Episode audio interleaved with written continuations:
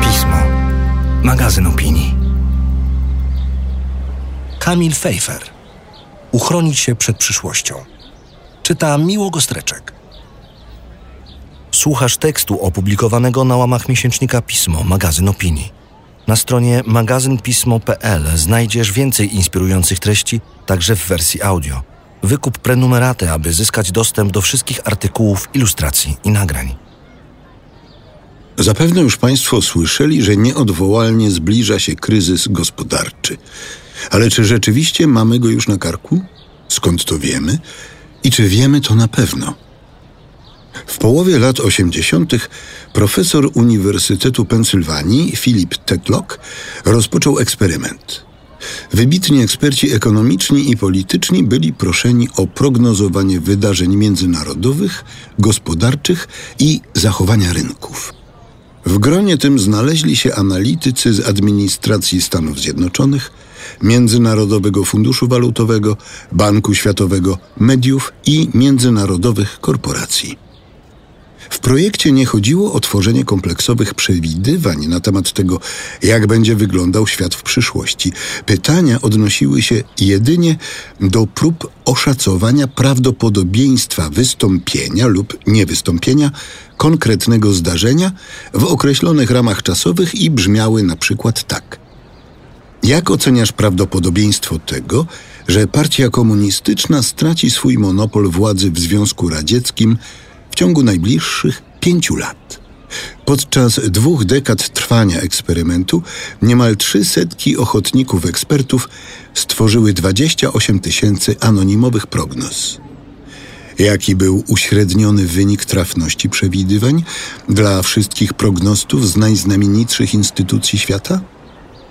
Pomimo sowitych wynagrodzeń i naukowych tytułów, robili to z taką dokładnością, jak zrobiłby to spytany na ulicy przypadkowy przechodzień lub szympans rzucający do tarczy strzałkami. Jak mawiał noblista Niels Bohr, prognozowanie jest trudne, zwłaszcza jeżeli dotyczy przyszłości. Ale trudne jest nie tylko prognozowanie, jeszcze trudniejsze jest pamiętanie własnych prognoz. Eksperci z eksperymentu Tetlocka, zapytani w 1988 roku o prawdopodobieństwo tego, że monopol partii komunistycznej przetrwa do 1993 roku, szacowali je średnio na 10 do 20%. Zapytani po latach o swoje przewidywania, zawyżali niegdysiejsze wyniki. Tak więc ekspert, który sądził, że istnieje 10% prawdopodobieństwo takiej sytuacji, przywoływał w swoich wspomnieniach prawdopodobieństwo 40 lub 50%. Był nawet jeden przypadek, że ekspert, który podał prawdopodobieństwo równe 20%, wspominał później, że było to 70%. Pisze Tetlock w swojej książce. Superprognozowanie, sztuka i nauka prognozowania. Psychologowie nazywają to zjawisko efektem wiedzy po fakcie. Dotyczy nie tylko naszych wcześniejszych ocen, lecz także tego, że wystąpienie pewnych wydarzeń z perspektywy przyszłości wydaje się dla nas ludzi, maszyn poznawczo bardzo zawodnych, oczywiste. Prognozowanie jest więc, jak się okazuje, łatwe, ale tylko gdy dotyczy przeszłości. To nie znaczy, że wobec przyszłości jesteśmy całkowicie bezradni. Sam Filip Tetlock od lat trenuje w tej trudnej sztuce grupę chętnych osób. W jaki sposób? Jedną z metod jest łamigłówka polegająca na szacowaniu liczby stroicieli fortepianów w Chicago. Tę zagadkę wymyślił Enrico Fermi, jeden z najbystrzejszych umysłów XX wieku. Odpowiedź, która się nasuwa jako pierwsza, wygląda mniej więcej zapewne tak. A skąd kurka wodna mam wiedzieć takie rzeczy? Ale wystarczy rozłożyć pytanie o liczbę stroicieli na mniejsze części, by problem nieco się rozjaśnił. Zadajmy sobie więc pytania pomocnicze. Ilu ludzi mieszka w Chicago? Ilu spośród nich może mieć fortepian? Jak często fortepian może się rozstrajać? Ile roboczo godzin potrzeba, aby go nastroić? Jeśli stroiciel pracuje około 6 godzin dziennie przez 5 dni w tygodniu, ilu jest ich potrzebnych w takim mieście? Odpowiedź na każde z tych pytań jest o wiele łatwiejsza niż ogólne pytanie o liczbę stroicieli fortepianów. Metodą kolejnych przybliżeń możemy otrzymać zaskakująco precyzyjną odpowiedź. Ilu jest zatem stroicieli fortepianów w Chicago?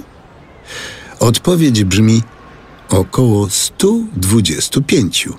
Dzięki Google. W prognozowaniu istotne jest więc, aby rozbijać każde z dużych pytań na mniejsze i szacować przybliżoną wartość dla każdego z nich, pamiętając, że niemal każdy czynnik może mieć kontrczynnik, który ciągnie prawdopodobieństwo wystąpienia danego wydarzenia w stronę przeciwną. Tetlok podaje następujący przykład. Jeśli jesteś prawdziwym gołębiem pokoju, który wierzy, że grożenie działaniami militarnymi nigdy tego pokoju nie przynosi, to powinieneś być otwarty na argumenty, że w przypadku Iranu możesz być jednak w błędzie. Zaczyna już Państwa boleć głowa? No właśnie. Czy to działa? Tak, ale wymaga treningu intelektualnego i wysiłku przełamywania naturalnego dla nas, jakby to określił ekonomiczny noblista Daniel Kahneman, szybkiego myślenia. Kahneman ze swoim współpracownikiem Amosem Twerskim argumentowali, że jesteśmy wyposażeni w dwa systemy myślenia, które nazwali systemem 1 i systemem 2. Cóż, wybitni naukowcy nie muszą być świetnymi copywriterami. I copywriterami. System 1 jest odpowiedzialny za nasze pierwsze skojarzenia i intuicje i zazwyczaj się myli. System 2 odpowiada za wyhamowanie poznawcze i korekty systemu 1. Kiedy system 1 na pytanie o liczbę stroicieli fortepianów podpowiada w najlepszym razie jakąś liczbę z powietrza, system 2 stara się podzielić zagadnienie na mniejsze części i przypisać wartość każdej z nich. Oczywiście to nie jedyny sposób, żeby zrobić z siebie dobrego prognostę. Warto również być pragmatykiem, nie postrzegać całej rzeczywistości społeczno-gospodarczej przez pryzmat jednego klucza interpretacyjnego, starać się spojrzeć na problemy z zewnątrz, znać przynajmniej w ogólnym zarysie matematykę, być ponadprzeciętnie inteligentnym. Osoby, które Tetlock nazywa superprognostami, są zazwyczaj nieco bardziej inteligentne niż populacyjna średnia. Nieco innym sposobem przewidywania przyszłości jest tak zwana analiza predykcyjna, tworzona przez algorytmy na podstawie danych historycznych. To domena tak modnej ostatnio dziedziny, jaką są big data. Dane ucieleśniają bezcenną kolekcję doświadczeń, z których możemy się uczyć. Każda procedura medyczna, wniosek kredytowy, wpis na Facebooku, rekomendacja filmowa, oszustwo, otrzymany spam i każdego rodzaju zakup, a także każdy pozytywny lub negatywny rezultat działań zakończony sukcesem lub porażką, każdy telefon sprzedażowy, każde zdarzenie czy transakcja są zapisywane pod postacią danych i przechowywane. Proces uczenia maszynowego, machine learning, uwalnia potencjał tego zasobu. Tego typu wiedza umożliwia prognozowanie. Pisze Eric Siegel w książce Prognozuj, kto kliknie, kupi skłamie lub umrze. Wprowadzenie do analizy predykcyjnej. Tłumaczył Konrad Pawłowski. A czego nie przewidzą nawet najlepiej wytrenowani progności i na co ślepe są najlepsze algorytmy? Zdarzeń wyjątkowych, ze swojej natury nieprzewidywalnych. Niezwykle barwnie określił je w lutym 2002 roku ówczesny sekretarz obrony USA Donald Rumsfeld, kiedy podczas konferencji prasowej został zapytany o dowody na temat rzekomej możliwości dostarczania przez Irak broni masowej zagłady terrorystom. Istnieją znane wiadome rzeczy, o których wiemy, że o nich wiemy. Są również znane niewiadome, rzeczy, o których wiemy, że ich nie wiemy. Ale są też nieznane niewiadome. To te, o których nie wiemy, że o nich nie wiemy. Nieznane niewiadome są poza naszym zasięgiem, bo nie tylko nie znamy na nie odpowiedzi, ale nie wiemy nawet, że należy o nie pytać. Nassim Taleb, ekonomista, filozof, inwestor i matematyk, nazywa takie zjawiska czarnymi łabędziami. Telebowi udało się wprowadzić to pojęcie, również dzięki książce noszącej taki właśnie tytuł, do ekonomicznego i politycznego języka. Czym jest czarny łabędź? Wyobraźmy sobie, że żyjemy w XVII-wiecznej Europie i ktoś prosi nas, żebyśmy sobie wyobrazili dorosłego łabędzia. Każdy łabędź, o jakim pomyślimy, będzie biały, ponieważ nie znamy łabędzi w innym kolorze. Tymczasem do portu właśnie przybił statek z Australii, a na jego pokładzie australijski czarny łabędź. Nie mieliśmy pojęcia, że możemy go sobie nawet wyobrazić. A jeśli rodzaj kryzysu, jaki nadejdzie, jest właśnie takim czarnym łabędziem? Niektórzy jednak próbują sobie wyobrazić nawet te najczarniejsze łabędzie. Amerykański teoretyk mediów, pisarz i socjolog Douglas Rushkoff w głośnym eseju pod znamiennym tytułem Survival of the Richest Przetrwanie najbogatszych opisał spotkanie z superbogaczami, na którym wystąpił w roli apokaliptycznego konsultanta. Superbogaci pytali na przykład, w jaki sposób mają utrzymać dyscyplinę wśród ochroniarzy w przypadku nadejścia totalnej katastrofy. Jak mieliby im płacić, jeżeli pieniądze straciłyby wartość? Jak chronić zasoby żywnościowe? A może warto byłoby rozważyć stworzenie armii superinteligentnych i sprawnych robotów, które byłyby w stanie ich obronić przed rozwścieczonym tłumem. Skąd miałaby się brać wściekłość tłumu? Byłaby skutkiem kryzysu na tak ogromną skalę, że jego wystąpienie zrujnowałoby cały porządek społeczno-gospodarczy. Przyczyną kryzysu mogą być zmiana klimatyczna, pandemia, masowe migracje. Miliarderzy nazywali to the event, zdarzenie. My zaś na początek bójmy się zwykłego kryzysu. A więc idzie kryzys, stagnacja czy koniunktura gospodarcza. Spróbujmy to jakoś rozwikłać. Nie ma chyba kwestii, która częściej pojawiałaby się w wypowiedziach polityków, zwłaszcza w okolicach kampanii wyborczej. W pierwszej połowie listopada, podczas prezentacji składu nowego rządu, prezes Prawa i Sprawiedliwości Jarosław Kaczyński mówił na przykład tak. Chcemy dokonać postępu i odeprzeć niebezpieczeństwa związane na przykład z możliwym spowolnieniem gospodarczym, bo nie chcę używać słowa kryzys. Mamy plany, by skutki tego spowolnienia były w Polsce minimalne. A więc kryzys czy spowolnienie? Według medialnej logiki, jeżeli polityk rządzącej partii twierdzi, że nie chce używać słowa kryzys, to z pewnością dlatego, że właśnie kryzys ma na myśli. Dziennikarz Damian Szymański tak komentuje w serwisie Business Insider Polska przytoczoną wypowiedź lidera PiS. Słowa prezesa Kaczyńskiego wydają się przesadzone. Kryzys Polsce nie grozi. Przynajmniej w perspektywie najbliższych kwartałów. Co najwyżej spowolnienie gospodarcze. Przesadzone wydają się słowa o spowolnieniu gospodarczym, ponieważ nie będziemy mieli do czynienia z kryzysem, jedynie ze spowolnieniem gospodarczym, to chyba jasne. W tym samym artykule Szymański, powołując się na blog Macieja Samcika, dziennikarza ekonomicznego, radzi w jaki sposób przejść przez pogarszającą się koniunkturę suchą stopą. O sposobach na przygotowanie się na nadchodzące pogorszenie sytuacji dzień po wypowiedzi Jarosława Kaczyńskiego można było przeczytać również na portalu TVN24. Pozostając przy tym temacie, odwołajmy się jeszcze do mądrości tłumu.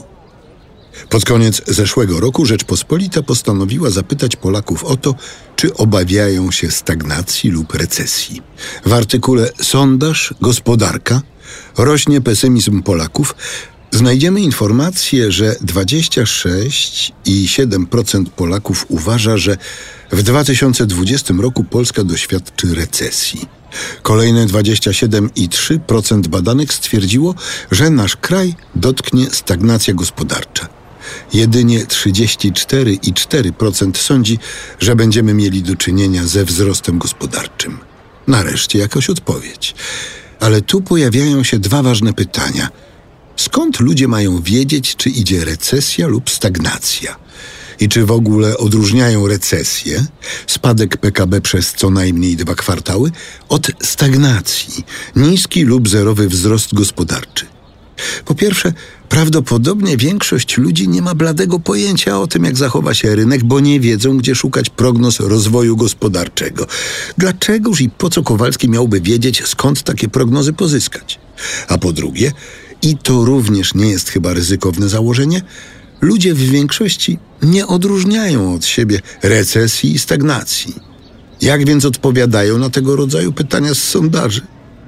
Tutaj z pomocą przychodzą nam wcześniej wspomniani Konamen i Twerski, którzy zastanawiali się, jak badane przez nich osoby wydają osądy na temat prawdopodobieństwa, nie wiedząc, czym ono w zasadzie jest.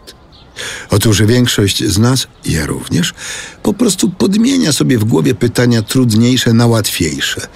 Nieco precyzując, robi to w nas wspomniany już system jeden. Ludzie pytani o stagnację mogą naprawdę odpowiadać na przykład na pytanie o to, czy sądzą, że w przyszłym roku dostaną podwyżkę lub awans. Nie, stagnacja. Albo czy popierają politykę gospodarczą rządu. Nie, pewnikiem idzie recesja, proszę pana. Jeżeli dalej zastanawiają się Państwo, jak będzie z tym wzrostem, to nieco pewniejszych odpowiedzi na to pytanie dostarcza Komisja Europejska. Prognozowany wzrost gospodarczy w Polsce w roku 2020 ma wynieść 3,3%. Tyle samo prognozuje się na rok 2021. Czy to dużo? Z pewnością mniej niż w roku 2019, kiedy PKB urosło nam o 4,1%.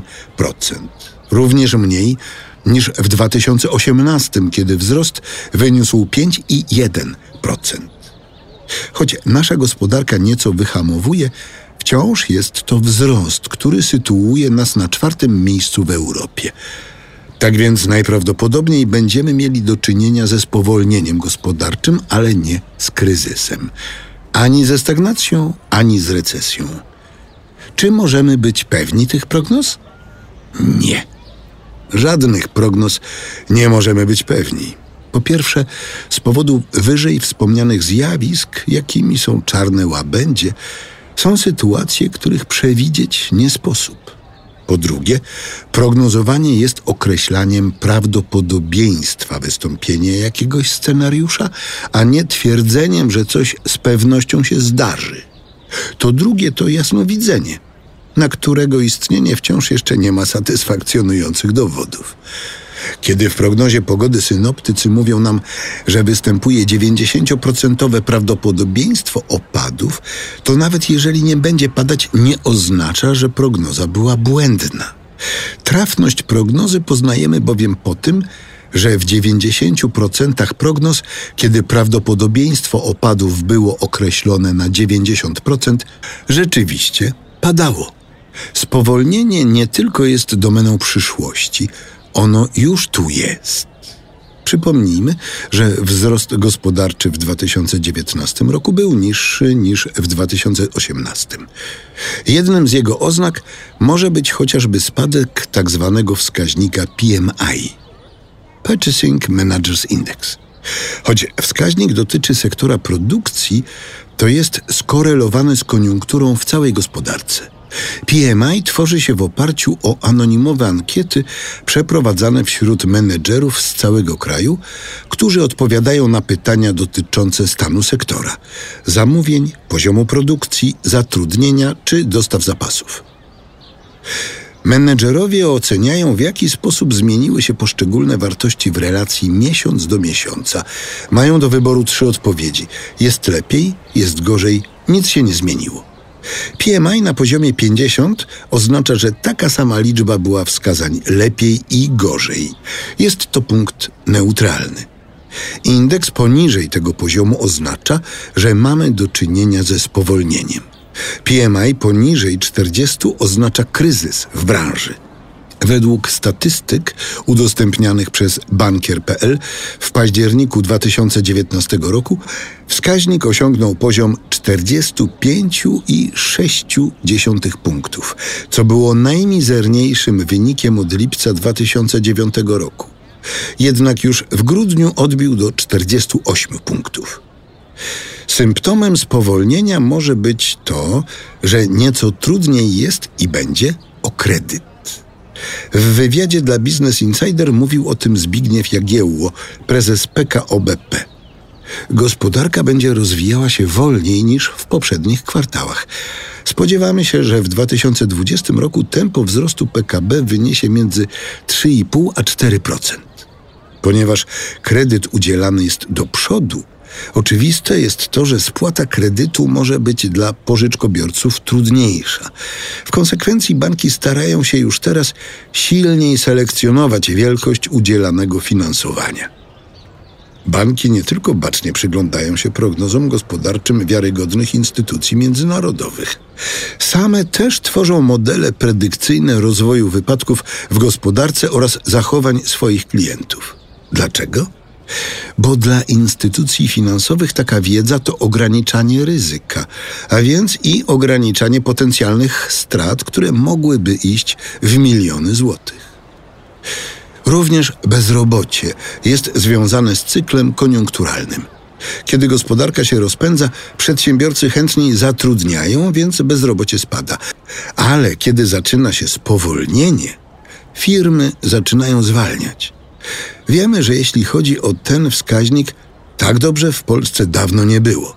Rekordowo niską stopę bezrobocia rejestrowanego zaliczyliśmy w październiku 2019 roku. Wynosiła 5%. Wiemy również, że stopa bezrobocia w Polsce nie zmienia się w sposób przypadkowy. Jeżeli spojrzymy na wykres z portalu Rynek Pracy.org, który agreguje dane Głównego Urzędu Statystycznego, to zauważymy pewną prawidłowość. Wcześniejszy rekord przypadał w 2008 roku i wynosił 8,8%, a poprzedni w 1998 roku 9,5%. Dawniejsze statystyki nie mają znaczenia, ponieważ za Polski Ludowej bezrobocie z powodów politycznych nie miało prawa istnieć. Bezrobocie w Polsce do tej pory oscylowało więc w mniej więcej dziesięcioletnich cyklach. Nie jest więc wykluczone, że październik ubiegłego roku był po prostu pojawiającym się cyklicznie szczytem, najlepszym od czasów transformacji. Jeżeli mam rację, to jest w tej oscylacji jakieś marne pocieszenie. Każdy kolejny cykl oznacza mniejsze bezrobocie, zarówno w fazie boomu, jak i w fazie spowolnienia czy też kryzysu. Rekordowe stopy bezrobocia z wyjątkiem wierzchołka cyklu w 1994 roku 16,9% są też coraz niższe. Dla lutego 2003 było to aż 20,7%. Ale już dla lutego 2013 jedynie 14,4%. Jedynie piszę w cudzysłowie, ponieważ bezrobocie na takim poziomie jest naprawdę groźne, zwłaszcza dla regionów peryferyjnych. Mniejsze miejscowości w przypadku uśrednionej stopy bezrobocia dla kraju wynoszącej niemal 15% są targane ponad 20, a czasami i 30% bezrobociem. Taki pejzaż gospodarczy to lokalne przedsionki piekła, miliony złamanych żyć, podupadające okolice, zniszczone nadzieje na lepsze jutro. Ale również, jak dowodzą autorzy metaanalizy pod kierownictwem Alison Milner, bezrobocie znacząco zwiększa ryzyko samobójstw, zwłaszcza wśród mężczyzn. To najwyższa cena, jaką zwykli ludzie płacą za pogarszającą się koniunkturę. Maciej Samcik, dziennikarz ekonomiczny, na swoim blogu Subiektywnie o Finansach daje cztery rady, które mogą pomóc w czasach przed spowolnieniem. Po pierwsze, należy zrobić przegląd domowych wydatków sztywnych. Warto na przykład zastanowić się nad zmianą na tańsze abonamentów subskrypcyjnych. Druga rada Samcika to nieprzejadanie świadczeń i zasiłków. Spowolnienie gospodarcze to mniejsza szansa na podwyżki i nieco większe ryzyko zwolnienia. Należy więc już dzisiaj zadbać o fundusz awaryjny, którym będziemy mogli łatać ewentualny spadek dochodów. Kolejny sposób to trzymanie oszczędności w stanie gotowości. Co to oznacza? Jeżeli mamy jakieś środki ulokowane w produktach finansowych, to warto je zamienić na gotówkę, którą można podjąć w każdej chwili bez ponoszenia dodatkowych kosztów. Po czwarte, warto również zrobić porządek z długami. Z tymi radami jest jednak pewien problem. Może z nich skorzystać tylko niewielka część społeczeństwa, ta, która ma oszczędności ulokowane w różnych instrumentach finansowych i jest w stanie spłacić swoje długi. Biedniejsi obywatele są o wiele bardziej wrażliwi na gospodarcze zawirowania. Według raportu Instytutu Rozwoju Gospodarczego Szkoły Głównej Handlowej i Związku Przedsiębiorstw Finansowych w Polsce sytuacja na rynku Consumer Finance w czwartym kwartale 2019 roku jedynie 5,5% gospodarstw domowych w Polsce stwierdziło, że sporo oszczędza. 52% twierdziło, że oszczędza nieco. Natomiast na pytanie, jakie jest prawdopodobieństwo, że w następnych 12 miesiącach zdołają Państwo zaoszczędzić jakiekolwiek pieniądze, Ponad 8% odpowiedziało, że bardzo duże. Ponad 34%, że dość duże, a 47% że znikome. Coś tu nie gra. Z jednej strony ponad 40% ludzi twierdzi, że obecnie w ogóle nie oszczędza. Z drugiej 90% osób uważa, że będzie oszczędzać w 2020 roku. Dla zabawy Możemy przypomnieć, że według wspomnianego sondażu dla Rzeczpospolitej z grudnia 2019 roku 54% badanych wieściło, że w roku 2020 nadchodzi recesja lub stagnacja. Odpowiedzi znów należy szukać w psychologii społecznej. Otóż w przypadku pytań tak newralgicznych jak te o nasze portfele, pojawia się tak zwany efekt społecznych oczekiwań. Osoba pytana chcąc się zaprezentować przed ankieterem oraz przed samym sobą w jak najlepszym świetle, po prostu kłamie. Według cytowanego przez serwis Bezprawnik opracowania spod data 17% Polaków nie dysponuje oszczędnościami, dzięki którym mogliby się utrzymać przez tydzień. Kolejne 19% nie dociągnie na swoich oszczędnościach do następnej wypłaty. Następne 22% to grupa, której oszczędności nie starczyłyby na kwartał utraty dochodu. Oczywiście i tutaj nie wiemy, czy nie występuje efekt społecznych oczekiwań. Nieco więcej natomiast możemy się dowiedzieć o samej strukturze oszczędności. Jeżeli dodamy do tego informacje z Głównego Urzędu Statystycznego na temat średniego czasu poszukiwania pracy, który w trzecim kwartale 2019 roku wynosił ponad 8 miesięcy, to widzimy, że mamy pewien problem. Zwłaszcza, że podczas spowolnienia średni czas poszukiwania pracy znacząco się wydłuża. A czym dokładnie jest ten cały kryzys? Według definicji encyklopedii PWN Kryzys ekonomiczny to gwałtowne zmniejszenie się aktywności gospodarczej, produkcji, zatrudnienia, inwestycji.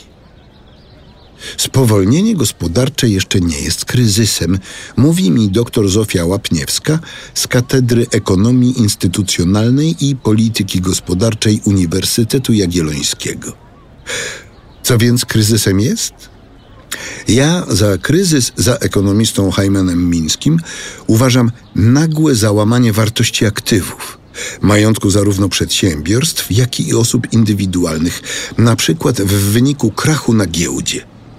Owo załamanie oznacza koniec fazy wzrostu cyklu w działalności gospodarczej oraz na rynkach kredytowych i prowadzi do długoterminowej bessy, doprecyzowuje dr Łapniewska. Według wszystkich dających się przewidzieć na dziś wskaźników, na obecną chwilę nie ma więc mowy o widmie kryzysu, co najwyżej o spowolnieniu wzrostu gospodarczego. No dobrze, ale czy to znaczy, że kryzys nam nie grozi i możemy spać spokojnie? Doktor Wojciech Paczos, ekonomista z Cardiff University i grupy eksperckiej Dobrobyt na pokolenia, uważa, że kryzysów z definicji nie da się przewidzieć. Choć w systemie kapitalistycznym dochodzi do nich cyklicznie, to cykle te nie są regularne. Spór o to, skąd biorą się kryzysy, jest fundamentalnym sporem w ekonomii, mówi Paczos. Jego zdaniem są dwie podstawowe teorie na ten temat. Pierwsza mówi, że gospodarka jest stabilnym systemem, w który raz na jakiś czas uderzają nieprzewidywalne wydarzenia. Mogą one być pozytywne, jak wdrożenie przełomowej technologii, bądź negatywne, jak na przykład nieprzemyślana polityka gospodarcza. Druga teoria mówi, że gospodarka sama z siebie nie jest stabilna i w najgłębszy mechanizm jej funkcjonowania wpisana jest cykliczność w ramach logiki. Kolejny boom napędza kolejny kryzys, a kolejny kryzys napędza kolejny boom. Prawdopodobnie rzeczywistość gospodarcza jest jakąś wypadkową mechanizmów opisywanych przez obie te szkoły. Podsumowuje ekonomista. W głębokim kryzysie gospodarczym przestają działać indywidualne strategie radzenia sobie ze złą koniunkturą. No dobrze, trochę upraszczam. Kryzys nie dotyka wszystkich w tym samym stopniu. Prezes PKO BP Zbigniew Jagiełło mówił o szykujących się nieco większych trudnościach w podjęciu kredytu, ale dodawał, dla wiarygodnych klientów, czyli tych posiadających stabilną sytuację finansową, zawsze jest dobry czas na zaciąganie kredytu. Wiarygodni klienci to po prostu klienci zamożni. Dla bogatych zawsze jest pogoda. To nie oznacza, że nie tracą oni na kryzysie. Tracą i to czasem środki niewyobrażalne dla zwykłego człowieka.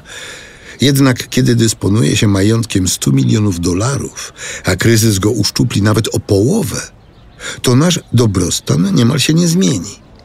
W tym kontekście warto przypomnieć słowa Arnolda Schwarzeneggera, który ponoć miał powiedzieć, że mając majątek o wartości 50 milionów dolarów, jest tak samo szczęśliwy jak wtedy, kiedy miał 48 milionów. W pewnym momencie kilka milionów w te czy we w te to tylko papier z wyceną majątku. Dla niezamożnego człowieka jednak utrata nawet średniego dochodu oznacza kłopoty w postaci niemożności kupna kurtki na zimę. Indywidualne strategie radzenia sobie z kryzysem są raczej z domeny zmień pracę, weź kredyt, mówi dr Maciej Grodzicki z Katedry Ekonomii Matematycznej Uniwersytetu Jagiellońskiego. Jak zaznacza ekonomista, istnieją grupy, które na kryzysie mogą nawet zyskać. W jaki sposób? Na przykład poprzez kupno papierów wartościowych albo nieruchomości w dołku. Wyjaśnia Grodzicki. Aby jednak grać na spadkach, trzeba mieć dostęp do kapitału. Większość ludzi tego dostępu nie ma. Grodzicki podkreśla, że dla większości z nas kryzys jest czasem, kiedy jest mniejsza szansa na podwyżkę, mniejsza szansa na awans, za to większe ryzyko zwolnienia, większe ryzyko obcięcia dostępu do świadczeń społecznych. Stąd też prosta zasada ekonomii politycznej, która mówi, że siła przetargowa pracowników względem pracodawców czy właścicieli kapitału najsilniejsza jest w czasie boomu gospodarczego, a w kryzysie jest najsłabsza. Mówi i dodaje. Jasne, będą osoby, które mogą sobie indywidualnie poradzić nawet podczas największego kryzysu, jednak to nie zmieni sytuacji ogólnej, bo kryzys nie jest niedomaganiem konkretnych, indywidualnych aktorów gospodarczych, ale zjawiskiem systemowym. Doktor Zofia Łapniewska, pytana przeze mnie o to, kto najbardziej dostaje w kryzysie po głowie, bez wahania odpowiada: szary człowiek, który traci pracę. Jak wyjaśnia, przedsiębiorstwa w czasie kryzysu znacznie częściej zwalniają niż zatrudniają. Większości ludzi po prostu trudniej jest znaleźć zatrudnienie, choćby nie wiadomo jak się starali. Wynika to z prostej matematyki.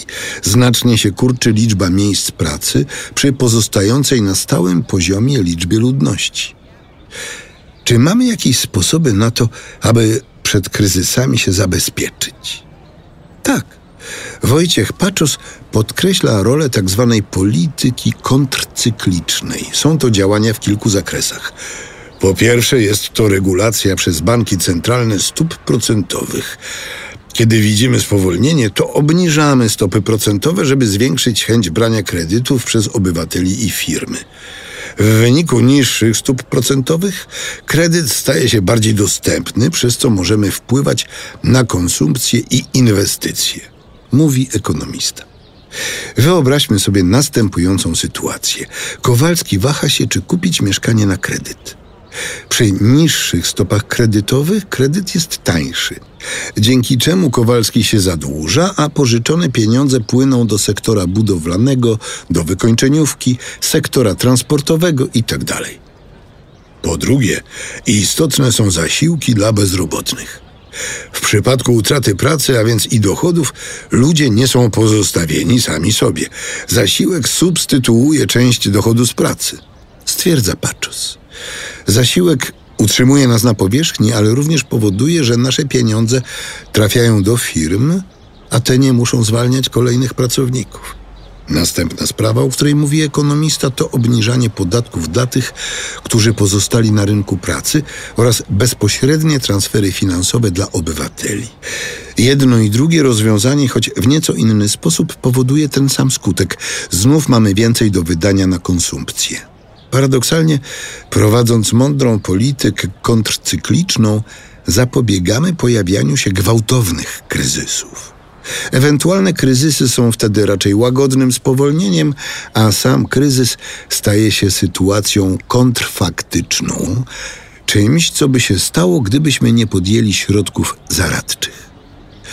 Ale jeżeli wiemy o tym, jak przeciwdziałać kryzysom, to skąd wziął się tak głęboki i dewastujący krach roku 2008?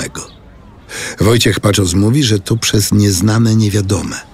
Ekonomia nie zdawała sobie sprawy ze wszystkich oddziaływań, jakie zachodziły między realną gospodarką a sektorem finansowym. Doktor Zofia Łapniewska, definiując ostatni wielki kryzys, posługuje się metaforą brytyjskiej socjolożki Sylwii Wolby, która opisywała krach jako wydarzenie kaskadujące, które infekowało kolejne obszary gospodarki. Łapniewska przywołuje sekwencję zdarzeń. Najpierw był krach na rynku nieruchomości, który spowodował zmniejszenie się podaży kredytów w całej gospodarce. To zmniejszyło konsumpcję i inwestycje. Obniżona konsumpcja to mniejszy strumień pieniędzy, który płynął do firm. Te, aby ratować się z opresji, zwalniały pracowników. Bez pracy dochody ludzi się kurczyły, a to oznaczało mniejsze wpływy podatkowe do budżetów państw. Kryzys stał się więc kryzysem fiskalnym. Państwa zaczęły zaciskać pasa. To z kolei obniżyło jakość usług publicznych i uderzyło w zwykłych ludzi, którzy i tak już odczuli kryzys na własnej skórze. To przetarło ścieżkę dla populistów, czyli przerodziło się w kryzys polityczny. Voilà, dodaje Łapniewska. Poza tym, że wiemy, co może przeciwdziałać kryzysom, które nie są czarnymi łabędziami, wiemy też, co w przypadku spowolnienia bądź kryzysu nie działa wspomniana przez dr Zofię Łapniewską polityka oszczędności. W Grecji cięcia socjalne doprowadziły nie do poprawy, ale do pogorszenia sytuacji gospodarczej, co przyznał sam Międzynarodowy Fundusz Walutowy. Zaciskając pasa, państwo abdykuje ze swojej roli regulacyjnej i ochronnej dla większości obywateli. Robi coś, co w zasadzie skazuje zwykłych ludzi na indywidualne radzenie sobie z codziennymi problemami. Tymczasem w starciu z kryzysem zwykły człowiek nie ma szans, ponieważ na jego niekorzyść działa cały system. Do tego, na co zwraca uwagę Wojciech Paczos, indywidualne strategie radzenia sobie z zapaścią gospodarczą mogą jeszcze ją pogłębić. Dlaczego? Przypomnijmy rady Macieja Samcika. Cięcie wydatków stałych, nieprzejadanie zasiłków, tworzenie poduszki finansowej. O ile w czasie spowolnienia takie ruchy nie muszą oznaczać nic złego, o tyle w kryzysie, jeżeli stosuję je ja, moi znajomi, ich znajomi, znajomi ich znajomych i tak dalej, to znacząco ogranicza się baza konsumencka. A wbrew wolnorynkowym intuicjom, to konsumenci, a nie pracodawcy tworzą miejsca pracy. Jeżeli więc setki tysięcy czy miliony osób ograniczają konsumpcję, to ich pieniądze nie trafiają na rynek, nie trafiają do przedsiębiorców. Ci więc nie mają czym płacić swoim pracownikom i zmuszeni są ich zwalniać. Kryzys kaskaduje. Próby ustanowienia odpowiedzialności za radzenie sobie w takich sytuacjach przez zwykłego Kowalskiego przypominają dyskursywne strategie mówców motywacyjnych. Twierdzą oni, że niemal wszystko zależy od nas, Trzeba tylko przestać szukać wymówek i wziąć się do ciężkiej pracy.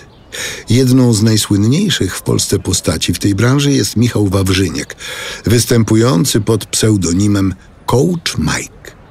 W Wikipedii możemy się dowiedzieć, że podczas swoich motywacyjnych show propaguje ideę zawsze i wszędzie możesz wszystko.